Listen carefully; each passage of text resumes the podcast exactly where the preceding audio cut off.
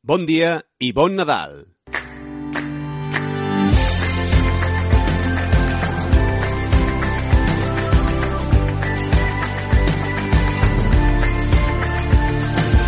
Avui és 24 de desembre, vigília de Nadal. Avui és dia de preparar-se per aquesta nit i tot el que ve després. Aquests dies són un temps de recolliment, d'estar amb la família, menjar i beure a dojo, riure, emocionar-nos, cantar nadares que fa dos dies les odiàvem profundament i ara les cantem fins quedar-nos afònics. Fer un últim tros de torró, tot i que saps que estàs a punt d'explotar. Demanar-nos per què fan polvorons de tant sabors i, sobretot, per què s'han d'aixafar.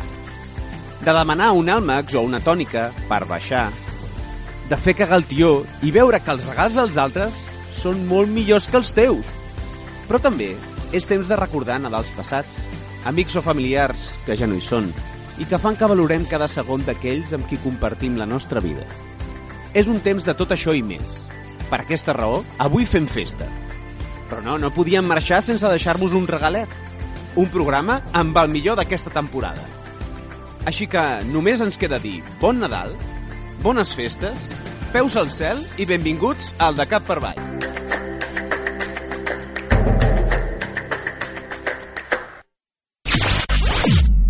Portem els tuits que han fet història aquesta setmana. Comencem el butlletí Twitter un espai on repassarem l'informació setmanal a cop de les millors piulades, parlant de Múrcia. Sí, ho heu sentit bé. Passen a vegades coses a Múrcia, perquè dilluns, durant més de 9 hores, AVE a Múrcia va ser trending topic a Twitter. Podríem dir que Múrcia no acaba de veure la llum al final del túnel, ja que l'AVE d'Albacete-Múrcia es demora fins al 2017. A més, la Fiscalia afirma que quatre de les empreses constructores més importants del país han defraudat, atenció, eh, 20 milions d'euros a DIF per obres que no s'han fet mai. Buenas noches y bienvenidos a la nave del misterio. Oh, esto es cuarto, cuarto, cuarto milenio y hoy nos acompaña en nuestro plató el profesor Moragas para poner luz en el misterio, el misterio y espeluznante caso del desfalco del AVE murciano. ¿Qué cree que pasó con esos 20 millones de euros, profesor? Que se los embuchacaron, Iker. Que se los embuchacaron. La corrupció de les vies del tren en dos tuits. L'usuari Han Solo va un pèl més enllà i subratlla la part de la notícia realment inverosímil, escrivint ¿Ave a Murcia? Joder, ya me parece raro que alguien quiera ir a Murcia, pero encima quiere ir rápido. super cagada y una super cagadísima. En la mateixa línia, el senyor Huevón, un usufructuari que promet fer carrera al butlletí tuitero, piula. El AVE a Murcia tiene la ventaja de que te permite salir de allí más rápido. I seguim amb l'etiqueta Ernesto Sevilla, que va predominar dimarts convertint-se en tendència durant més de 12 hores. L'actor de la que se avecina va insultar a Javier Cárdenas, el cunyado d'Espanya, amb el permís d'Albert Rivera, a l'hormiguero d'Antena 3. El d'Albacete li va dir implícitament gilipolles al locutor Pum, de ràdio pum. Javier Cárdenas, el cunyat que va respondre això, dels creadors de Ni de derechas ni de izquierdas, yo soy español, i els productors de No hay universidad que enseñe lo que enseña la vida, dimarts va arribar a la petita pantalla això. Ui. Unos donamos una casa para luchar contra una enfermedad, otros nos insultan sin motivo alguno, trabajando en el mismo grupo A3 Media. Ole. Twitter contra el cunyat Cárdenas en un tuit. Antonio Castaño valora la feina feta per Ernesto Sevilla a l'Hormiguero, fent referència a que molt poques vegades Twitter s'uneix davant una mateixa causa. Solo Iniesta y Ernesto Sevilla han sido capaces de unir España. Que te queda una cara de gilipollas total.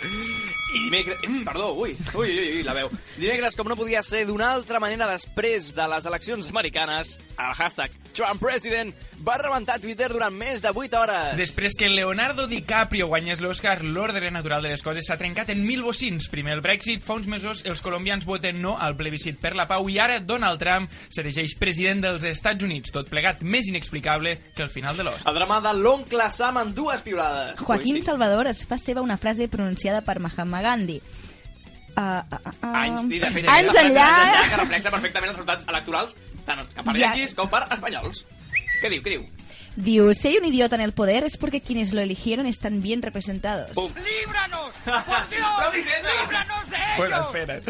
Rematem el Via Crucis americà amb l'usuari Cheto Lois, que en un exercici de futurologia sense precedents proposa tres plagues bíbliques en el món post-Donald Trump. Trump llegó a la presidencia y el mundo no sabe si prepararse para la tercera guerra mundial, los juegos del hambre o directamente la purga. Oh, goodness Prou, eh? El triplete de, de Iseta. Are all Comèdia. És complicat ser més boques, eh? Però bé, baixem la persiana del butlletí Tutero parlant de ciència. I no, no m'estava referint a un dels majors invents de la història. James Rodríguez, o James, també pels amics, sinó el Dia Mundial de la Ciència, celebrat a Twitter dijous passat durant 10 hores. Acabem amb una frase del mític escriptor uruguayá Eduardo Galeano que deia així, los científicos dicen que estamos hechos de átomos, pero a mí un pajarito me ha contado que estamos hechos de historias. Que, que bonic. El Dia Mundial de la Ciència en un tuit. La revista humorística El Jueves, la mateixa revista que surt els dimecres, va voler felicitar el govern espanyol per la gran tasca que està fent en ciència i investigació, piulant això. El jueves fue el Día Mundial de la Ciencia, o como la llaman los inversores españoles, la cosa esa en que se gastan el dinero los alemanes. Nine, nine, nine. Moltes gràcies, Roger, moltes gràcies, Maria, per portar-nos els tuits que sí han fet història aquesta setmana. Adéu.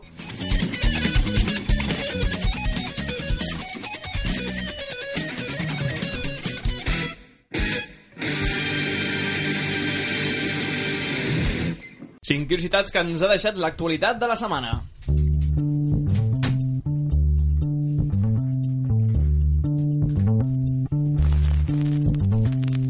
Quina ràdio a Catalunya revalida el seu lideratge? RAC1, l'emissora del grup Go2, líder amb 798.000 oients. És la més escoltada cada dia de la seva setmana i tots els seus programes són líders de la seva franja. En segon lloc es manté Catalunya Ràdio, amb 557.000 oients. I en tercera posició segueix la SER, amb 326.000 oients. Són dades de la tercera onada de l'EGM, que posen de manifest que les dues principals emissores van a la baixa. RAC1 ha perdut 54.000 oients i Catalunya Ràdio 80.000. Quins diners no agraden als vegans? Els nous bitllets de 5 lliures són més resistents i fins i tot poden aguantar un cicle de rentadora, però contenen greix animal. Per això, vegans, vegetarians i també hindús, sikhs i genistes reclamen al Banc d'Anglaterra que el retiri. Carai. Una iniciativa popular ja ha recollit més de 116.000 signatures. Per la seva banda, el Banc d'Anglaterra diu que ho desconeixia i afirma que l'empresa fabricant està treballant per trobar-hi una solució. I què ha prohibit una escola d'Anglaterra? Aixecar la mà a classe. La Southwark Church Academy de Mansfield assegura que aixecar la mà per respondre una pregunta no encaixa amb els valors moderns i els nous mètodes educatius. Diu que sempre són els mateixos alumnes els que alcen el braç i per això prefereix explorar alter altres alternatives. El sindicat britànic de professors ha criticat la decisió perquè la nova normativa no està consultada i suposa una falta de respecte.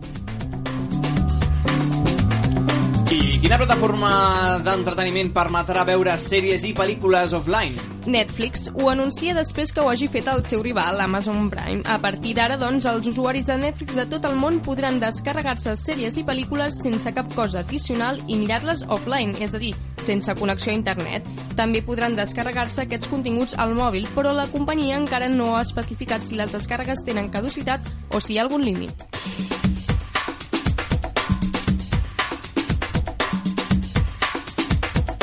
I quin futbolista presumptament ha defraudat Hisenda i no és del Barça? Cristiano Ronaldo, segons documents de Football Leaks que desvela El Confidencial, el davanter del Real Madrid hauria cobrat diferents patrocinis a través d'una societat d'Irlanda, el país de la zona euro que té l'impost de societats més baix. Presumptament ho hauria fet durant anys i hauria pagat un 12,5% en concepte d'impost de societats, una tercera part del que li hauria suposat a la Comunitat de Madrid, que hagués estat un 43,5%.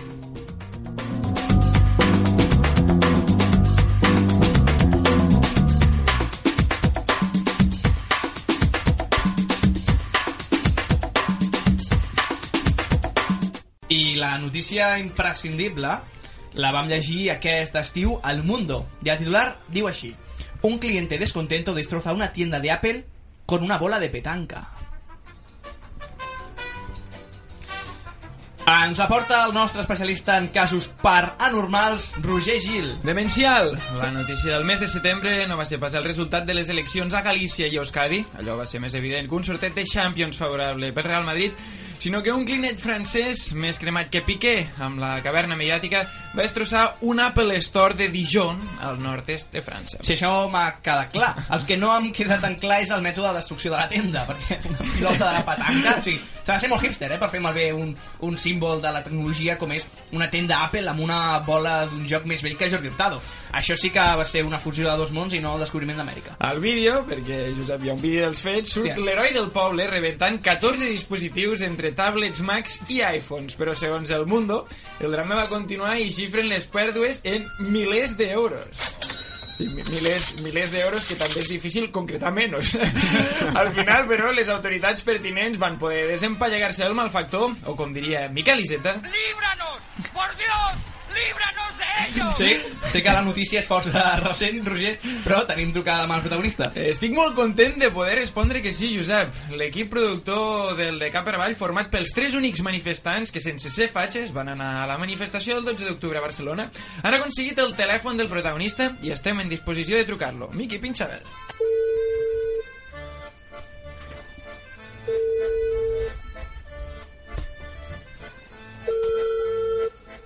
Euh, bonjour. ¿En Gilbert? ¿En Eh? Gilbert Coleré? Mira, que soy el Roger, de aquí, de la radio del Ah. barrio, de, Radio. Mire, le llamaba para ver si nos puede explicar qué pasó el 30 de septiembre cuando destrozó la Apple Store de Dijon. Oh la la, monsieur Roger. Eh, pido disculpas a, la a las bellas señoritas que se están que nos están escuchando. ¿eh? Ah, mon Dieu, solo Dios sabe por qué eh, pa- pasó lo que pasó este 30 de septiembre. ¿Qué, qué, qué, qué- qué le pasó, señor Coleré? ¿Acaso venía de pasar una desgracia? Ah oui, oui, mon amour. Estaba desayunando en mi restaurante preferido en vistas a la Torre Eiffel cuando... eh, cochón de merde. El cama recibió cava en lugar de champán. ¿Te lo puedes creer, Roger? ¿Cava? Estábamos, estábamos de acuerdo, señor Coleré. En el infierno hay un espacio reservado para los indeseables que toman cava en vez de champán. Ah, oui, oui. ¿Fue por eso que destrozó la tienda? Oh la la, Roger. Claro que no. Pero me siento, me siento como una patada en el arco del triunfo. ¿eh? Ah, ya venía caliente con el drama del cava cu- cuando, aburrido, eh, jugando con mi iPhone 7, eh, le pregunté a Siri de dónde estaban, dónde eran Asterix y Obelix. Y respondió que eran americanos. ¡Americanos! Por el amor de una baguette, Roger. Asterix y Obelix, ¡americanos! Semejante insulto no podía quedar sin castigo, señor Gilbert Coleré. Pero todo tiene un final, menos lo serrano, que no sé qué hicieron con el desenlace. Lo dicho, señor Coleré, que no nos queda más tiempo. Ha sido un placer. Oh, guau, cantona.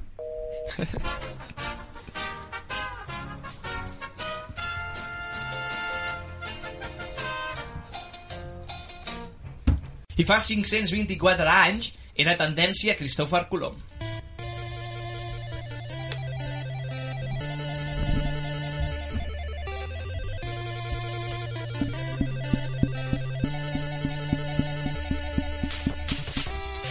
I és aquí, ja ha arribat, ve que el Pau que està baixant a l'Iguió i rient-se.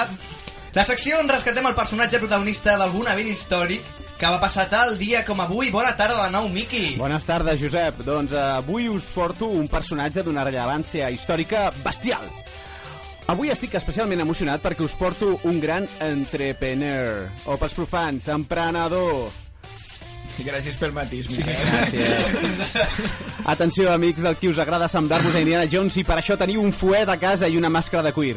Perquè tal dia com avui, però de l'any 1492, 1492, Merci, merci. ja, fa, ja feia 3 dies que havia arribat a les Amèriques Cristòfor Colom. Però, a veure, qui era? El, ei, Miqui, està molt bé que vulguis parlar de Colom, però no creus que desvirtues una mica la teva secció de tal dia com avui? Eh, sí i, i no. Tal dia com avui, però de l'any 1492, Cristòfor Colom comença a desfer-se del jet lag, o com deien llavors, una borratxera de rom important, i se n'adona que ha arribat a terra ferma. Però qui era Cris- Cristòfor Colom, Lara?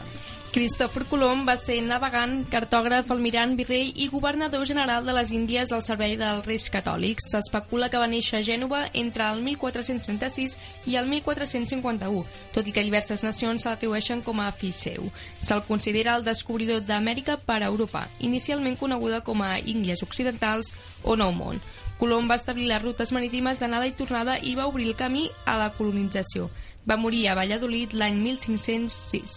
Moltes gràcies, Lara, senyores i senyors. Tenim l'honor de tenir a tal dia com avui un personatge que encara viu.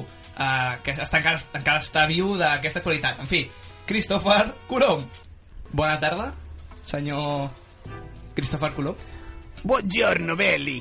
Buongiorno. Així es confirma que vostè és italià. Uh, no. Uh, espanyol? No, no, que va. Uh, català? Vostè és català, oi? Atenció, que la Cap per Vall té la primícia que Cristòfer Colom... No ho diguis. No veus que el meu client principal és Espanya? Si ho dic, si dic que sóc català, em quedo sense curro. Ah, doncs ara que ho diu, si millor no dir res, perquè encara plan, tem- planeja el boicot als productes catalans, tot, tot i que no se'n poden estar de comprar tones i tones de fuet, tot sigui dit, eh? Jo sóc més de sacallona. Vols tastar la meva? Senyor Colom, senyor Colom, què diu? Què he dit? Ah, oh, que es pot malinterpretar, ho sento. No és la primera vegada que em passa, saps? Amb resultats molt diversos, cal dir-ho. Eh, doncs resulta que els pares tenien una granja de porcs, per això lo de la sacallona. Ara ho entenc. I ja que estem a voltes d'on és vostè, em podria dir on va néixer? A veure, a veure, a veure. Què vols saber? D'on sóc o on vaig néixer? Però no, no, no és el mateix? Doncs no. Jo vaig néixer a un lloc, però jo sóc d'on paguen més. Catalan Spirit, 5.492. D'acord, llavors, llavors on va néixer? En un poble petit que potser no coneixereu. Lleida. Com? Com, com? Vostè és de Lleida? Vamos, un altre famós més a la llista. Cristòfor Colom. Apa, ja en tenim tres. Tants famosos, tants famosos ja de llista, Roger. Quins són els altres dos? Un no seràs tu, no? No pot ser que no ho dubtis, però no, no. Tot arribarà, però de moment ja m'ha trucat dels de rac per dir-me que els deixi de molestar, però sóc optimista. Doncs els altres dos són el director del cinema fantàstic i de terror Jaume Balagueró i l'altre Lorena Gómez. Qui és Lorena Gómez? No saps qui és Lorena Gómez? Déu meu, Josep, Lorena Gómez és la no. gran guanyadora del prestigiós Operació Triunfo número 5. Ah, perdoneu, eh? hola, segueixo aquí, eh? Jo us aviso perquè per les connexions amb l'altre món Telefònica no ha instaurat encara el roaming i us cobrarà una pasta, saps? tranqui, paga la ràdio. Com? Miqui? Que, que no? Que, que la paguem nosaltres? Bé, bé, bé, m'ho puc permetre, en fi. Hauré de prescindir del meu ou de Fabergé setmanal. I com és que eh, eh, Lleida es va convertir en mariner? Tu has vist Lleida? Allò és un mar de no res. Vaig anar caminant, caminant, fugint de la terra ferma, literalment, fins que gairebé m'ofego. Vaig decidir provar allò de navegar, i la veritat és que em va sentar la mar de bé. Ai, mira, he fet un acudit com els que faria l'Artur Mas, aquell. Sí, ell i les seves referències marine- marineres, però no ens despistem i abordem la següent pregunta. Abordem la pregunta. Eh, bo- Bona aquesta, també, bona. Bé, prou ja de referències marineres, jo sóc el conductor i estic amb el timó. Vull dir, dirigeixo la nau, és a dir, a veure si algú de vosaltres rema a favor meu. Va, Ja s'ha entès, ja. Doncs allò de navegar em va provar perquè jo era molt aficionat al rom. A bord del vaixell n'hi havia sempre i perquè el tambalers de les embarcacions feia contrapès amb el meu mareig crònic. Uh, un mareig crònic, no ho havia sentit mai. Sí, molt estrany, per culpa de l'alcohol, per dues ampolles diàries, ves? Suposo que va ser perquè anava més mamat que el Nacho Vidal que vaig decidir emprendre aquella aventura d'arribar a la Índia donant la volta a la Terra, tot i que tothom pensava que era plana. I, I finalment va descobrir Amèrica pels europeus i de retruc va demostrar que era rodona. Ah, sí? Ah, perdona, és que la ressaca, vull dir, el jet lag m'esborra alguns records. Ja, ja estem arribant al final de l'entrevista, però abans voldríem saber alguna curiositat de vostè que no se sàpiga. Carai, com sou els periodistes. Sempre voleu més. T'he dit que vaig néixer a Lleida, que els meus pares tenien porcs i que bevia rom com si fos aigua. Però va, m'has caigut bé, Periolisto. Et donaré una primícia. Quan vaig embarcar al port de Pals, no em deia Cristòfor Colom. Què diu ara? Això sí que és primícia, primícia mundial. I, I com es deia? Perquè es va canviar el nom, perquè duia aquell pentinat ridícul... Oh, ja, perdó, aquesta darrere, darrere se m'ha colat. No, no, no passa res. Era la moda i sí, era molt ridícul. Doncs resulta que el viatge a les Índies se m'estava fent més llarg que una pel·lícula d'Albert Serra i vaig començar a rumiar una fórmula per anunciar la meva arribada als indígenes i la millor, sens dubte, va ser... Hola, soy Cristóbal Colón y vengo a colonizaros. Ah, aquest, aquest tio se li en va, eh, amb això de que se vuestro fino. Sí, sí, una frase molt impactant, eh? però encara no m'ha dit com es deia abans i, i per què se'l va canviar. Com estava dient, la meva frase triomfal d'arribada era Hola, soy Cristóbal Colón y vengo a colonizaros. Però jo en deia Cristòfor Sodom, així que ja no quedava tan bé la frase de Hola, soy Cristóbal Sodom y vengo a sodomizaros. Si ja tenien mala fama els mariners rodejats d'homes, cossos suats, molt temps sense fu... I, i fins aquí l'entrevista. Moltes gràcies, senyor Christopher Colom. Gràcies a vosaltres. Aquesta entrevista ha anat tan, ben en popa, eh? Ha arribat a bon port. M'he sentit com peix a l'aigua. Però ja, Eh? però ja.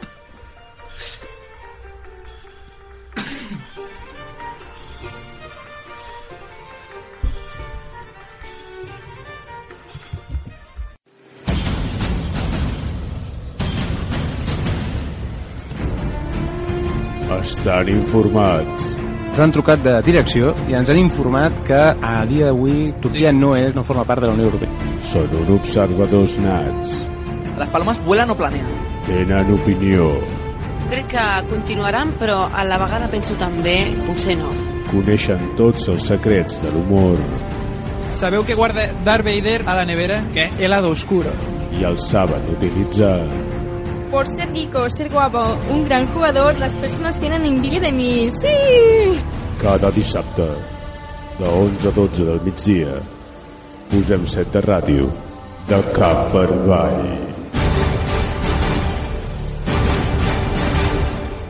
Que vinga algú a tancar la ràdio. Dediquem l'inici del de cap per avall a donar un cop d'ull allò invisible als mitjans.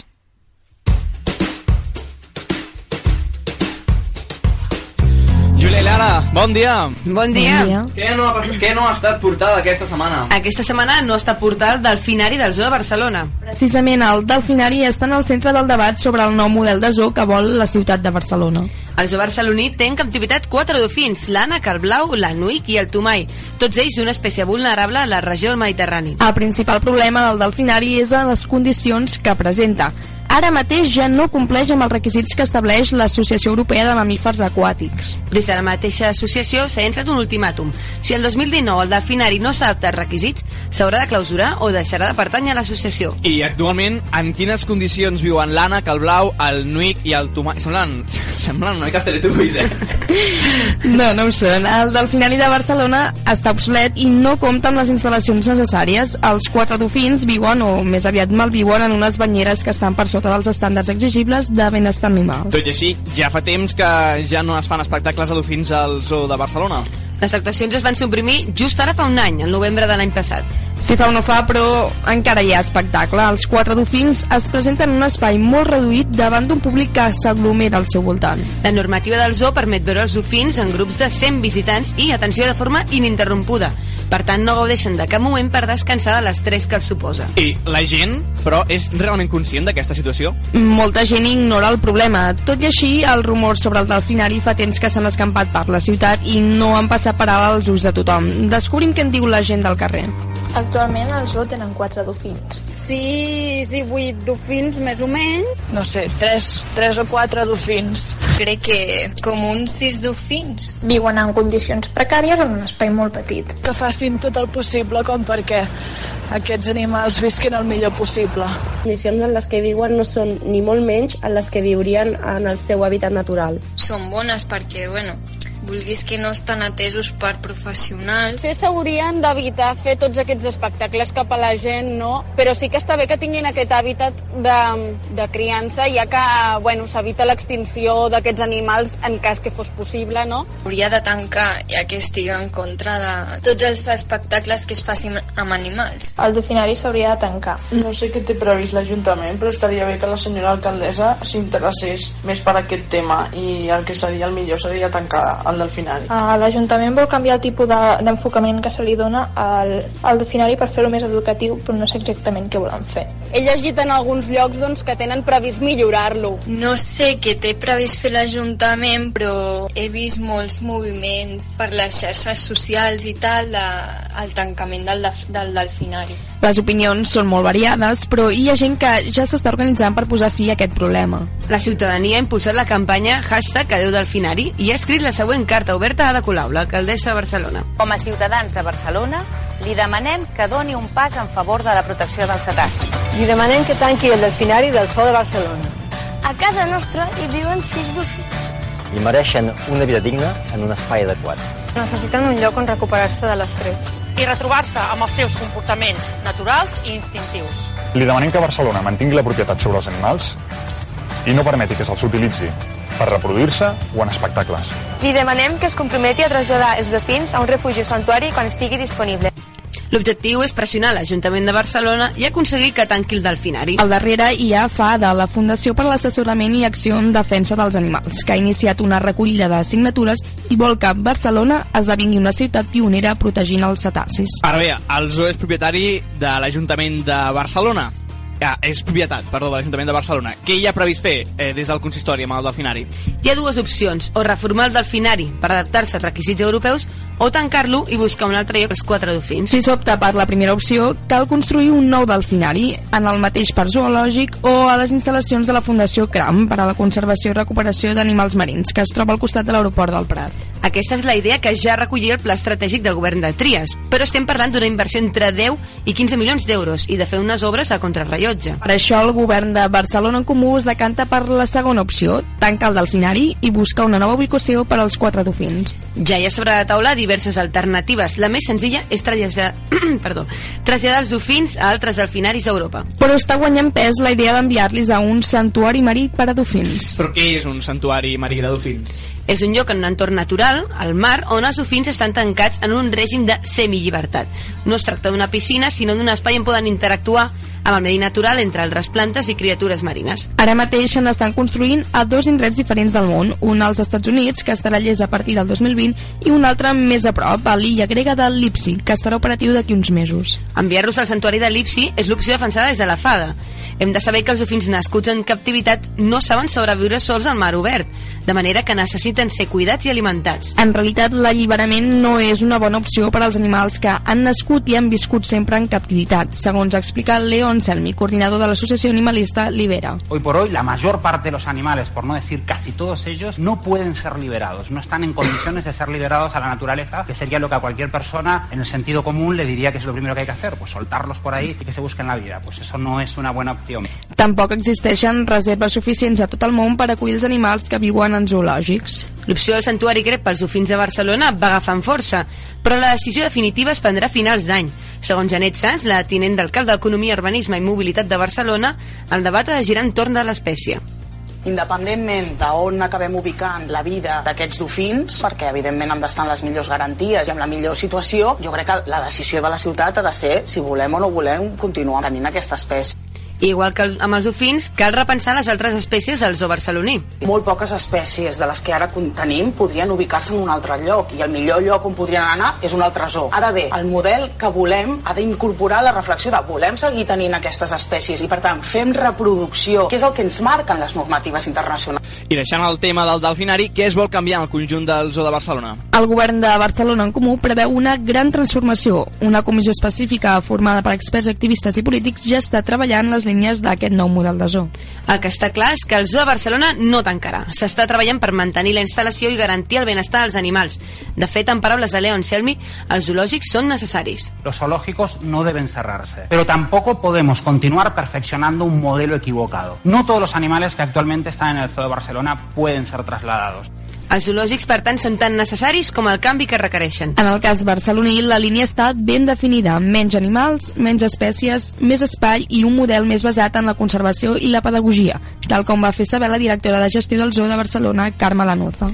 El projecte internacional Zoo 21 està col·laborant en la creació d'aquest zoo del futur. Proposa, per una banda, plans de conservació, de reproducció i de protecció en el lloc d'on procedeixen les espècies, i per l'altra, noves tecnologies per mostrar les tasques realitzades en el zoo del futur. La reconversió rau en el que explica Leon Selmi. Pasar de ser una institución dedicada a utilizar a los animales para ser una institución de utilidad para los animales, de utilidad para la protección animal. Així doncs, podem dir que els zoològics han quedat obsolets. Exacte. El zoo va aparèixer entre els segles XVIII i XIX i està estretament lligat al colonialisme i al descobriment de nous mons. Per tant, és una idea d'altres temps. Tanmateix, els parcs zoològics són recintes que segueixen rebent la visita de, atenció, 700 milions de persones a l'any a tot el món. A cap i a fi, eh, tenen la seva utilitat, apropen la naturalesa i fan que la gent prengui consciència dels animals i de la seva conservació. Molt bé, doncs, fins aquí el nostre portada d'avui del de cap per avall, on donem importància a notícies invisibles, però no per això poc importants.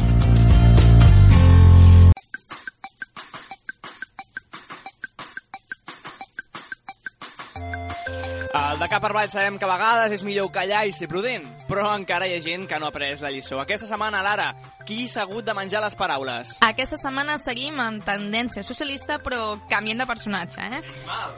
Últimament, Miquel Iceta, el líder del Partit Socialista a Catalunya, no ha estat massa encertat amb les seves intervencions. Que potser ho havia estat alguna vegada, Iceta? Bé, aquesta valoració millor deixem-la per un altre dia. El cas és que quan es tracta de llançar missatges als, als polítics presidenciables, les seves paraules d'ànim no arriben mai a bon port, per no dir directament que no arriben a cap port. Escoltem la petició que va fer-li a Hillary Clinton. Si m'ho permeteu, No, no li permetem, perquè no. potser ho està veient per streaming, vull dir-li una cosa a la Hillary.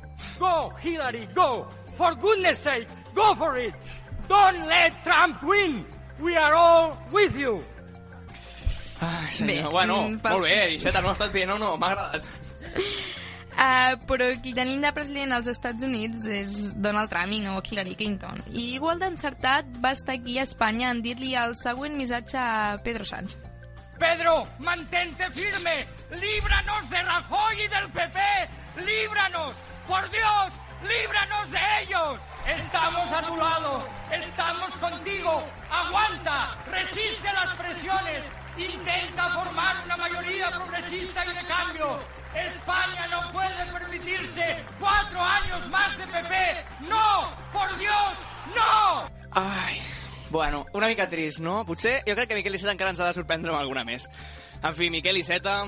Has quedado retratado.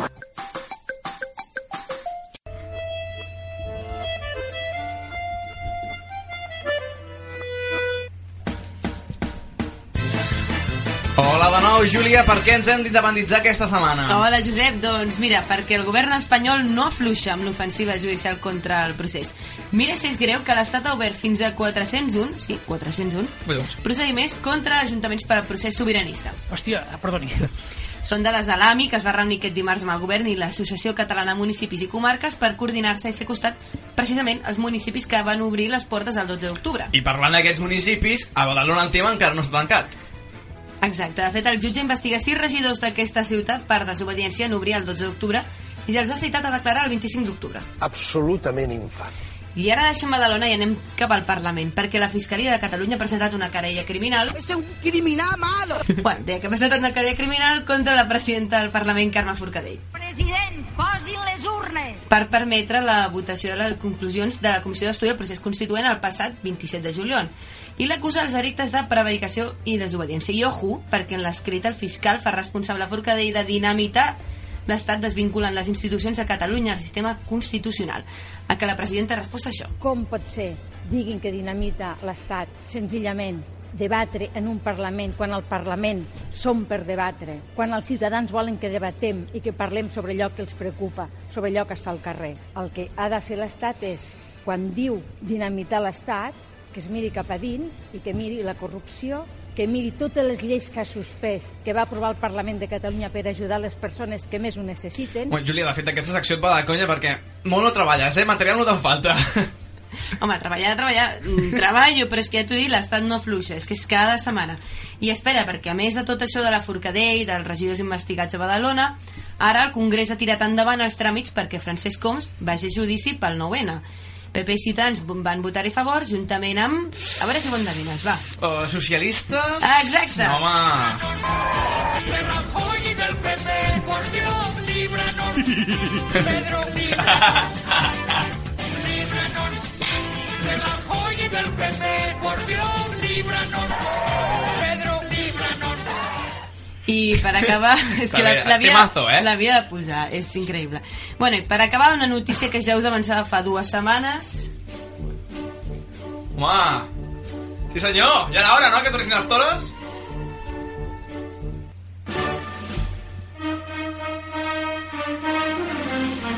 Ara sí que sí, ara definiti definitivament els toros tornen a Catalunya.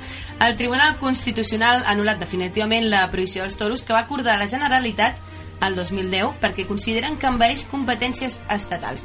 Per la seva banda, el govern i l'Ajuntament de Barcelona faran comú contra la sentència i es comprometen a treballar perquè no s'arribi a aplicar mai. Així va afirmar el conseller Josep Rull. El Tribunal Constitucional pot eh, decidir el que vulgui, però nosaltres ja hem decidit que no hi haurà toros, corrides de toros a Catalunya. Volem un país on no sigui possible fer un espectacle públic de la mort i el patiment d'un animal. Això és el que va decidir en el seu moment Catalunya i això és inalterable per a nosaltres. Per tant, desplegarem tots els mecanismes normatius per fer prevaldre la voluntat del poble de Catalunya expressada en el seu moment eh, per aquest Parlament. Tots els partits, a l'excepció del PP i Ciutadans, es, cometen, es comprometen a fer costat al govern a l'hora d'explorar les vies per frenar la decisió del tribunal. Home, setmana a setmana no el sorprèn molt aquí, dius, eh? Més o menys és el pa de cada dia. Molt bé, moltes gràcies, Júlia. Gràcies a tu.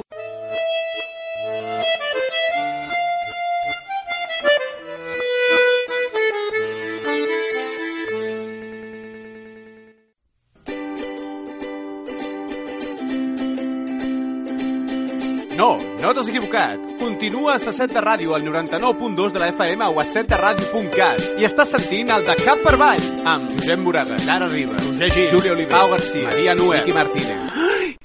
Son unos profesionales de gran calidad.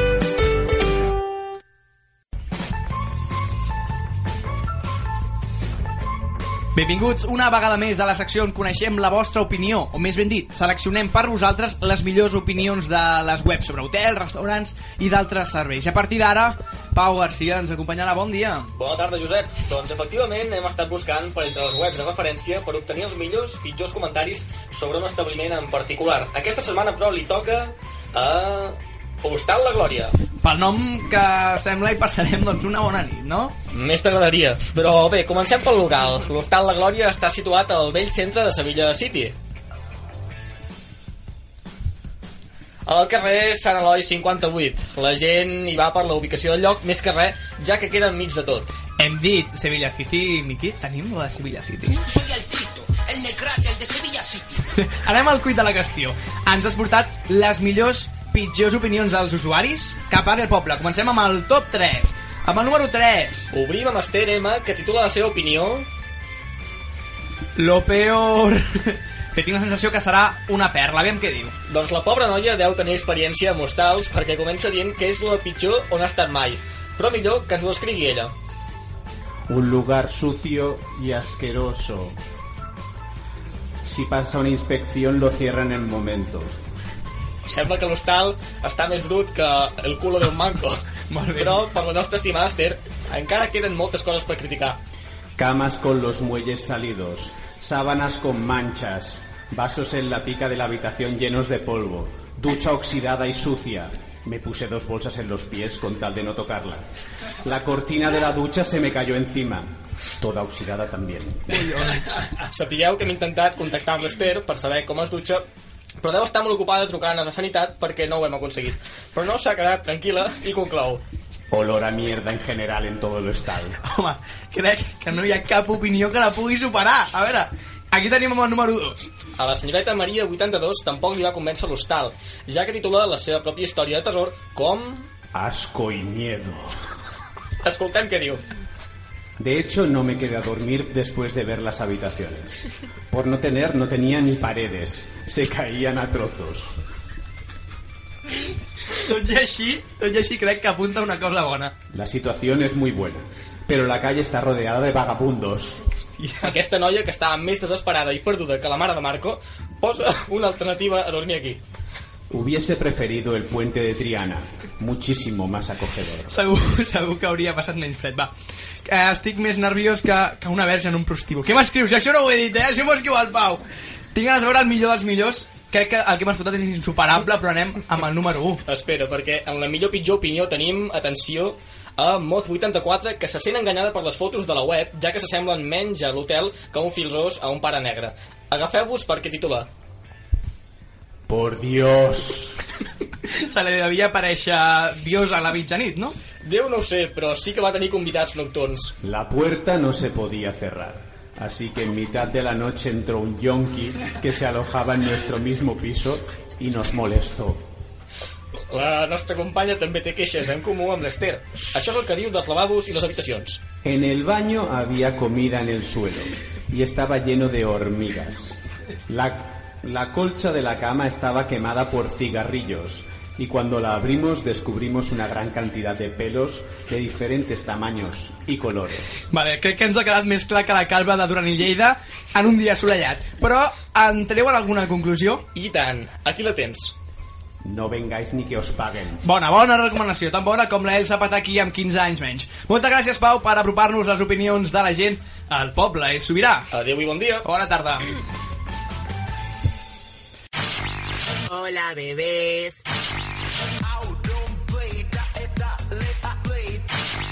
Hola, soy Germán y te cuento una tapita de yogur, que tu espalda está atrás. Escala, tira milla.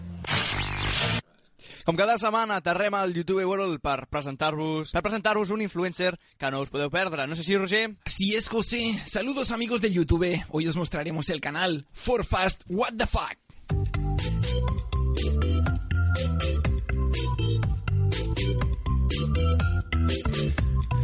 Així és, amics del YouTube World, us porto el canal For Fast What the Fuck, aquest canal que té una metodologia de treball trivial. Un jove, carxof en mà, surt a fer preguntes incòmodes sobre temes més tabús que els gal al PSOE. Con los Roger, estem parlant de que Forfas podria ser la nova Ana Pastor? Podria ser-ho, Josep, podria ser-ho, però amb la diferència de que aquí el protagonista se l'emporten les respostes i no pas les preguntes. Avui us porto un vídeo que Forfast el va fer viral per tractar l'islam en època de la crisi dels refugiats. Doncs sí, parla la primera religió dels musulmans, avui en dia pot arribar a ser més violent que cagar sense pestilla, per exemple. Però bé, nosaltres ens arriscarem. Així, Roger, ho farem? I tant, Josep, només faltaria. Però primer situem-nos. Març de 2016, recordem, en plena crisi dels refugiats, Setmana Santa a Sevilla el diumenge de Rams. Ojito que això és més cristià que estrossar un mercat. Doncs va, Forfast va i pregunta això. Os voy a contar una serie de extractos del Corán para que me digáis un poco vuestra opinión al respecto. Toda mujer que tiene la cabeza descubierta mientras ora es una deshonra. Se puede cometer incesto y casarse con su hija siempre y cuando pase de cierta edad, sea virgen y no se haya casado. Si tiene un hijo rebelde, debe sacarlo a la calle para que la comunidad lo mate apedreado. Si alguien se acuesta con un hombre, se condenará a muerte a los dos. Atenció al si tienes un hijo rebelde, debes sacarlo a la calle para que la comunidad lo mate apedreado o lapidado també. És una que a Espanya no sigui islàmica, Roger, si no Pedro García Aguado estaria a l'atur. Eh, o encara pitjor, Josep, l'hermano mayor podria continuar jugant a waterpolo. En fi, continuem amb el vídeo sobre l'Alcorà quan és el torn de les respostes, que, com ja us deveu imaginar, seran del tot moderades. Una cultura poco tolerante, ¿no? Fatal, me parece fatal, sobre todo por la mujer, vamos. No tienen que venir aquí a imponer nada y que se lo queden en su tierra. Nosotros no hacemos esas cosas, ellos. Igual que los hombres pues son libres, pues las mujeres también y no tienen que llevar el pañuelo a la cabeza. Vídeo de referència per tota aquella gent que diu que no és racista, però... Però res, Josep, però res, que són més racistes que Michael Jackson, que l'odi que professava pels negres el va fer tornar blanc. Però oïdos tots, perquè això encara no ha acabat. ¿Veis que es posible occidentalizar a este tipo de personas con estas creencias? Qué va cabeza. Es muy difícil, la verdad. El cristianismo es una religión como más libre, no hay que hacer tantas cosas, no tiene tantas normas. Pienso que es muy complicado porque es que ellos viven ahora mismo en una sociedad que está encerrado en, la, en el medievo, ¿sabes? Hem de recordar que aquesta gent estava a una processió de la Setmana Santa, eh? O sigui, acabem-ho ja perquè amb tant extremisme, una de dos. O ens tanquen la ràdio o ens voten indiscriminadament per fer-nos, no sé, presidents del govern. No, per favor, t'imagines que ens fan diputats del Congrés, Josep? Oh. Treballar un cop per setmana, deixar de viatjar amb BlaBlaCar, haver regalats, dormir en suites i tot això, per què? Per 5.684 euros al mes, que se'ls fotin allà on els hi càpiguin. Aquesta vida no la vull ni regalada. Tranquil, Roger. El teu sou de 0 euros per col·laborar amb la ràdio no te'l pujarà ningú, però hauríem d'anar acabant que se'ns fa tard. Som-hi, doncs, però què passa quan no és or tot el que llu? Y ahora os voy a lanzar una sorpresita. ¿Qué me diríais si estos pasajes os digo que no son del Corán, sino de la Biblia? Així es, amics, tot allò de las mujeres con la cabeza descubierta son una deshonra o lo que se pueden cometer incestos si tu hija es virgen no és de l'Alcorà, sinó de la Bíblia. Acabem les respostes dels protagonistes després d'aquest Turn Down for What. Un libro escrito hace un montón de tiempo, lo que hay que hacer es una interpretación. Ahora, ahora. Yo eso no lo recuerdo en la Biblia. ¿Cómo hace eso de, de la Biblia? Yo... Si esto de la Biblia cambia mucho la Biblia. Nosotros creemos lo que nos han enseñado nuestros padres de pequeños y eso no es lo que dice. Moltes gràcies, Roger, per portar-nos l'influencer d'aquesta setmana, així que vosaltres ja ho sabeu. Si sou amants de les preguntes incòmodes i de respostes absurdes, per fas és, sens dub- sens dubte, el vostre canal de YouTube.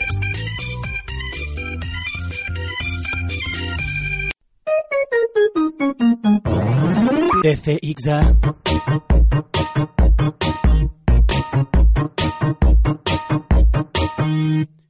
Tenim rigor, informació. Ah, primera part. Tenim humor i fem gràcia. Ah, segona part. Primera part. Segona part. Ah, ja tenim de cap per avall.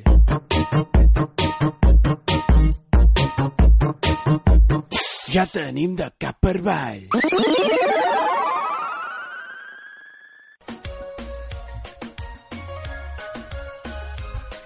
Què passa, reggaetonegues i reggaetonegues? Benvinguts al...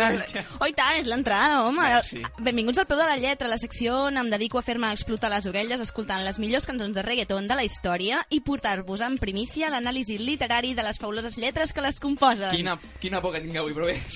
Què ens portes avui? Doncs mira, aprofitant que s'acosta Halloween, us porto un misteri. Com? Un, un misteri? Sí, Josep, un misteri. Els fantasmes no parlen xiu-xiueixant, però bueno. A veure, m'està entrant por, Miqui. Miqui, per aquesta puta música, que això suposa que és una secció com alegre, no? No sé, reggaeton, música, festa... Sí, millor deixem el terror per la nit del 40... ah, De...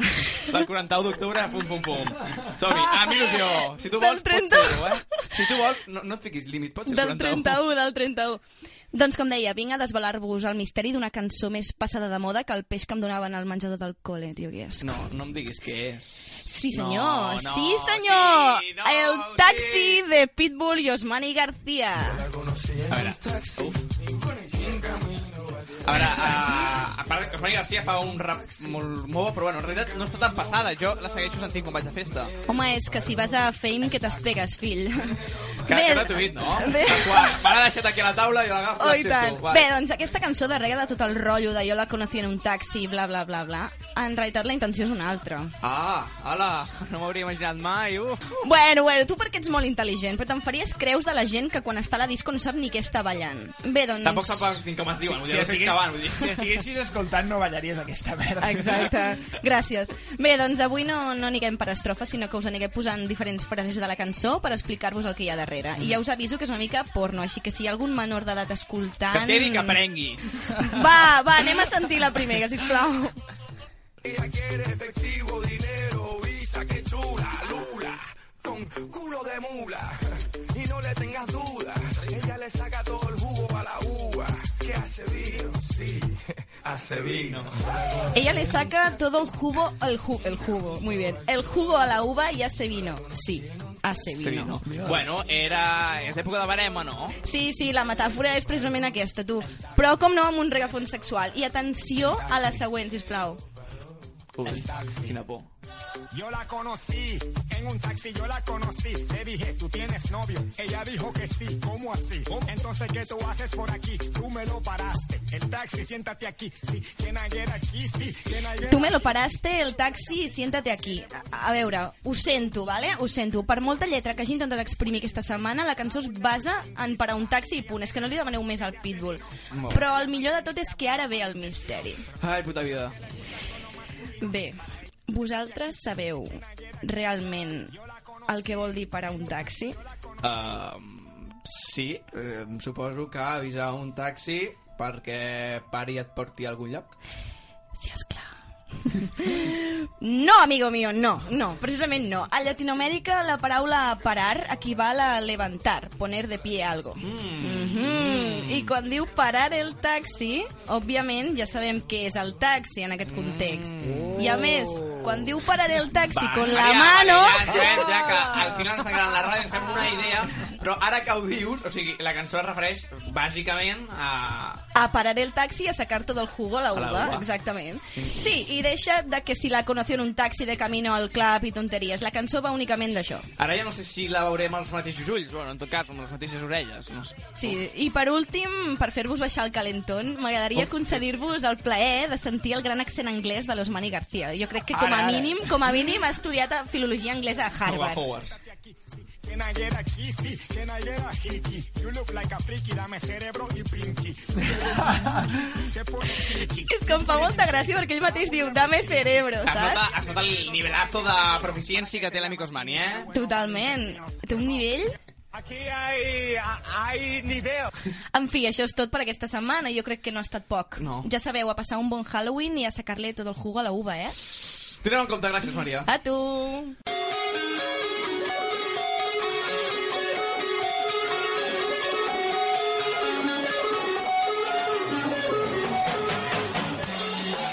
Maria, capaç de portar-nos el millor i el pitjor en música. Hola de nou. Hola. Hola, ara. Hola de nou. Som-hi amb el cover o no d'aquesta setmana. Avui us porto un altre mite. La setmana passada, o l'altra, us portava el gran Queen. Però és que aquesta setmana, ojo, perquè us porto el rei del pop. Oh. Ladies and gentlemen, Air Song de Michael Jackson. all the dreams that you said was yours and mine? Did you ever stop to notice all the children dead from war? Did you ever stop to notice this crying earth as we make I què ens expliques d'aquest tros de cançó, Maria? Doncs la cançó pertany a l'àlbum History, un dels àlbums últims de l'artista, llançat al 1995. El senzill va vendre 3,5 milions de còpies per tot el món i va aconseguir mantenir-se al número 1 de les llistes del Regne Unit durant 6 setmanes.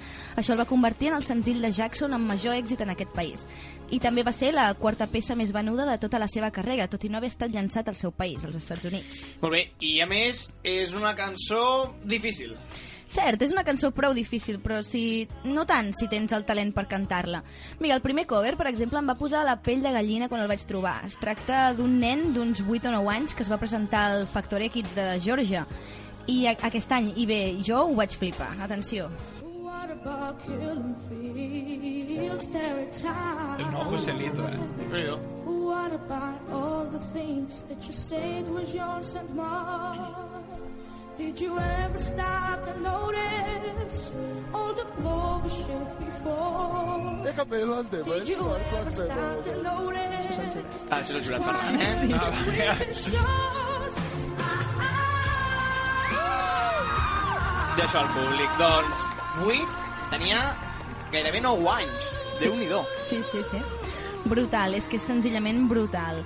I bé, el segon també déu nhi és d'una noia que es diu Aliona Yarushina o una cosa així, no sé. Eh, És una noia que es dedica a fer vídeos a YouTube versionant cançons i adaptant-les a la seva veu.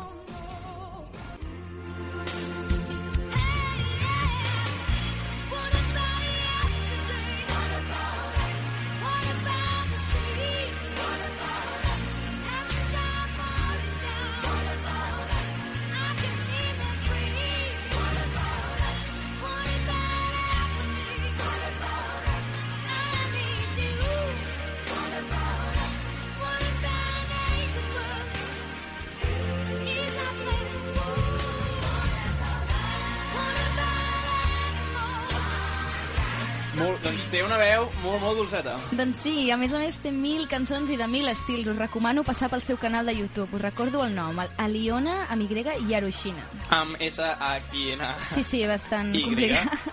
Molt bé, i ara el que... I ara el sí. maco, no? Ara, guai. No, atenció, ha arribat el moment. El pitjor cover de la història. Pitjor que el de Paulina Rubio amb Sona, Kiss. sona increïble, Josep, però sí, molt, molt pitjor. Molt pitjor. Es tracta... És que ja ric Està abans d'hora. Es tracta d'un paio d'uns d'uns 40 anys. A tu pots, bueno. Un paio d'uns 40 anys anomenat Onkar Judge que es presenta al Factor X britànic amb en Simon Cowell com a jurat. Comencem bé. I bé, és que no, no us vull avançar res, o sigui, ho heu d'escoltar. What have we done to the world? Look what we've done. What about all the peace Una mica that you música de pledged fons. your only son? Did you ever Espera que stop arribi, to espera. notice all the children dead from war? Quina bomba Did tornada. you ever stop to notice this Ara, ara. crying earth is weeping shore? Ah, ah,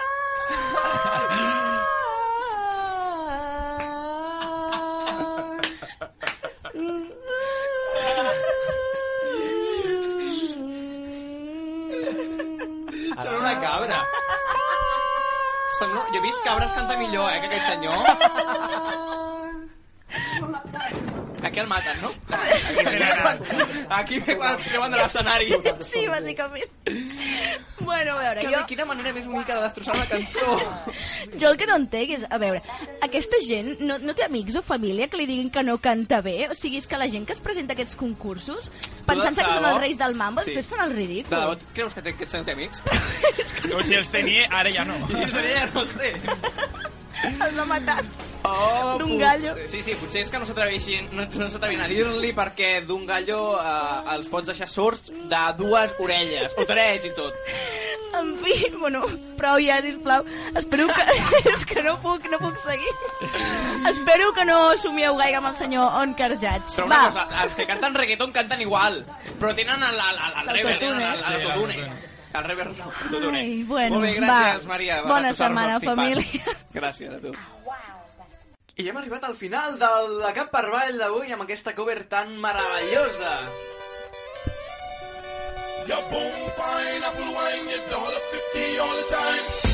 Gràcies a tots i ens retrobem el següent dissabte d'11 a 12, com sempre aquí a 7 de ràdio. Ànim, que encara queden 2.500 minuts perquè sigui dilluns. Així que no us oblideu de somriure i fins la setmana vinent. Adéu. Ve. Adéu. I ain't a.